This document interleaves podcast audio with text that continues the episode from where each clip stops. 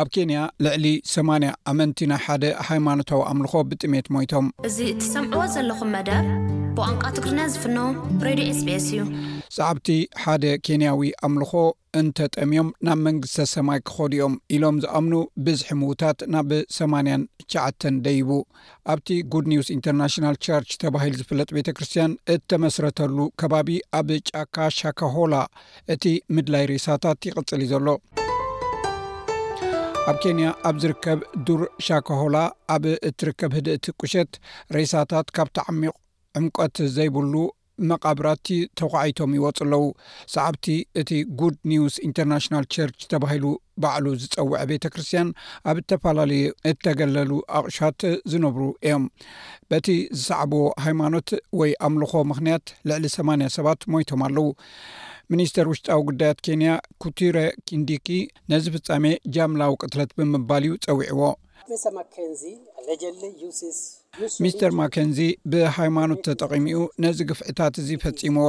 እዚ ገበን እዚ ምስቲ ኣብ ዓንቀጽ ክልተ ናይ ሽሕን ትሽዓተ ሚእትን ኣርብዓን ሸሞንተን ኣብ ዝወጸ መግለጺ ውዕል ምክልኻልን መቕጻዕትን ገበን ጅምላዊ ቅትለት ክሰማማዕ ቀሊል እዩ። እዚ ሕጂ ኣካል ሕጊ ናይ ኬንያ እዩ።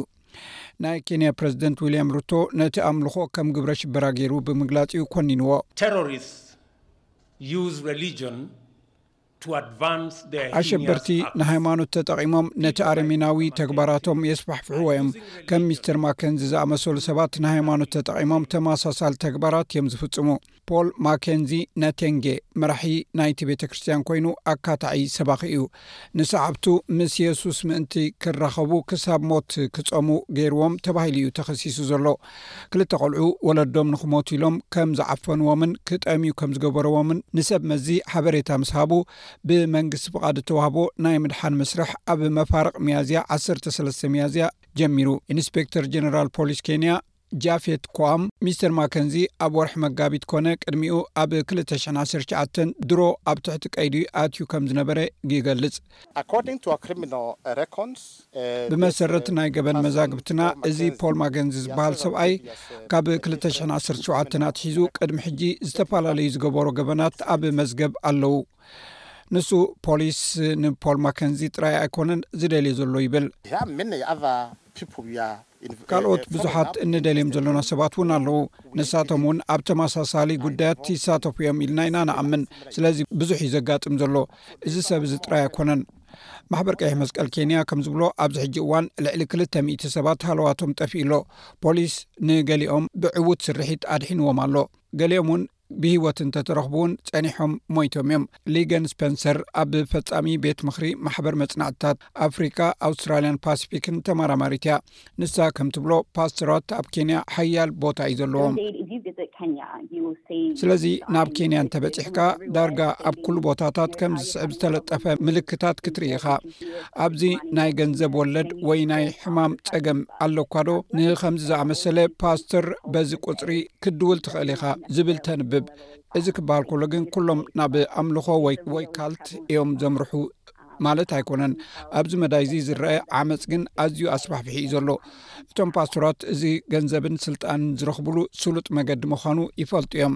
ሚስ ስፐንሰር ከም ትገልጾ፣ ድኽነት፣ ስእነት ማሕበራዊ ኣገልግሎትን ፖለቲካዊ ዘይምርግጋእን ሰባት ናብ ኣምልኾታት ከም ዝጽንበሩ ዝገብሮም ረቋሒታት እዩ።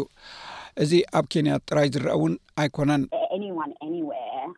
ሰባት ናብ ዝኸድዎ ምስ ሰእኑ ወይ ኣብ ጭንቂ ምስ ዝህልዉ ኣብ ከምዚ ዓይነት ኣምልኾ ክኣት ይኽእሉ እዮም ኬንያውያን ነዚ ዘሕዝን ፍፃሜ እዚ ኣብ ዝሰምዕሉ ዘለዉ ግን እቲ ኣብ ዝሓለፈ እዋን ዝተፈፀመ ሃይማኖታዊ ኣምልኾ ዘዘኻኽሮም ኮይኑ ኣሎ ሚስ ስፐንሰር፣ ህዝቢ ኬንያ ዝሓሸ ምክልኻል ከም ዘድልዮም ትገልጽ።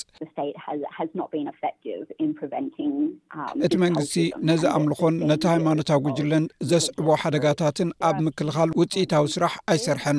ገለ ጽልዋ ዝገብሩ ረቋሒታት ኣለዉ። ቀዳማይ፣ ሃይማኖታዊ ነጻነት ንምዕቃብ ዝሕግዝ ረቋሒ እዩ። ኣብ ዝሓለፈ እዋናት ከኣ ብዛዕባ ናይዞም ጕጅለታት ዝምልከት ብዙሕ ሕግታት ኣይነበረን። እንተኾነ ግን እቶም ፓስቶራትን ናይ ኣምልኾ ጉጅለታትን መብዛሕትኡ ግዜ ምስ ፖለቲከኛታትን ፖሊስን ርክብ ኣለዎም ስለዚ ሰበስልጣን መንግስቲ ንገዛእ ርእሶም ኣመንቲ ወይ ጉቦ ተዋሂቦምን ክኸውን ይኽእሉ እዮም እዚ ኣዝዩ ልሙድ ናይ ብልሽውናን ጉቦን ስራሕ እዩ ነቲ ተረኺቡ ዘሎ ሬሳታት ካብ ሓሙስ 27 ሚያዝያ ኣትሒዙ መርመራ ክጅምር እዩ ሚስተር ማከንዚ ክሳብ ዝምርመር ኣብ ቀይዲ ኣትዩ ኣሎ ፕረዚደንት ኬንያ ሚስተር ሩቶ መንግስቲ ጠንቂ እቲ ጅምላዊ ቅትለት ከም ዝረክብ ኣተስፊዩ'ሎ። ኣነን መንግስቲ ኬንያን ነቶም ነዚ ጉዳይ እዚ ክምርምሩ ሓላፍነት ዘለዎም ትካላት ናብ ሱር መሰረትን ናብ ቀንዲ ንጥፈታት ናይቶም ሃይማኖት ተጠቒሞም ዘሰክሕን ዘይቅቡልን ኣተሓሳስበኦምን ከስፍሑ ንዝደልዩ ንምፍላጥ መምርሒ ሂብናዮም ኣለና። እዚ ሬድዮ ስቤስ ብቋንቋ ትግርኛ ዝፍኖ መደብ እዩ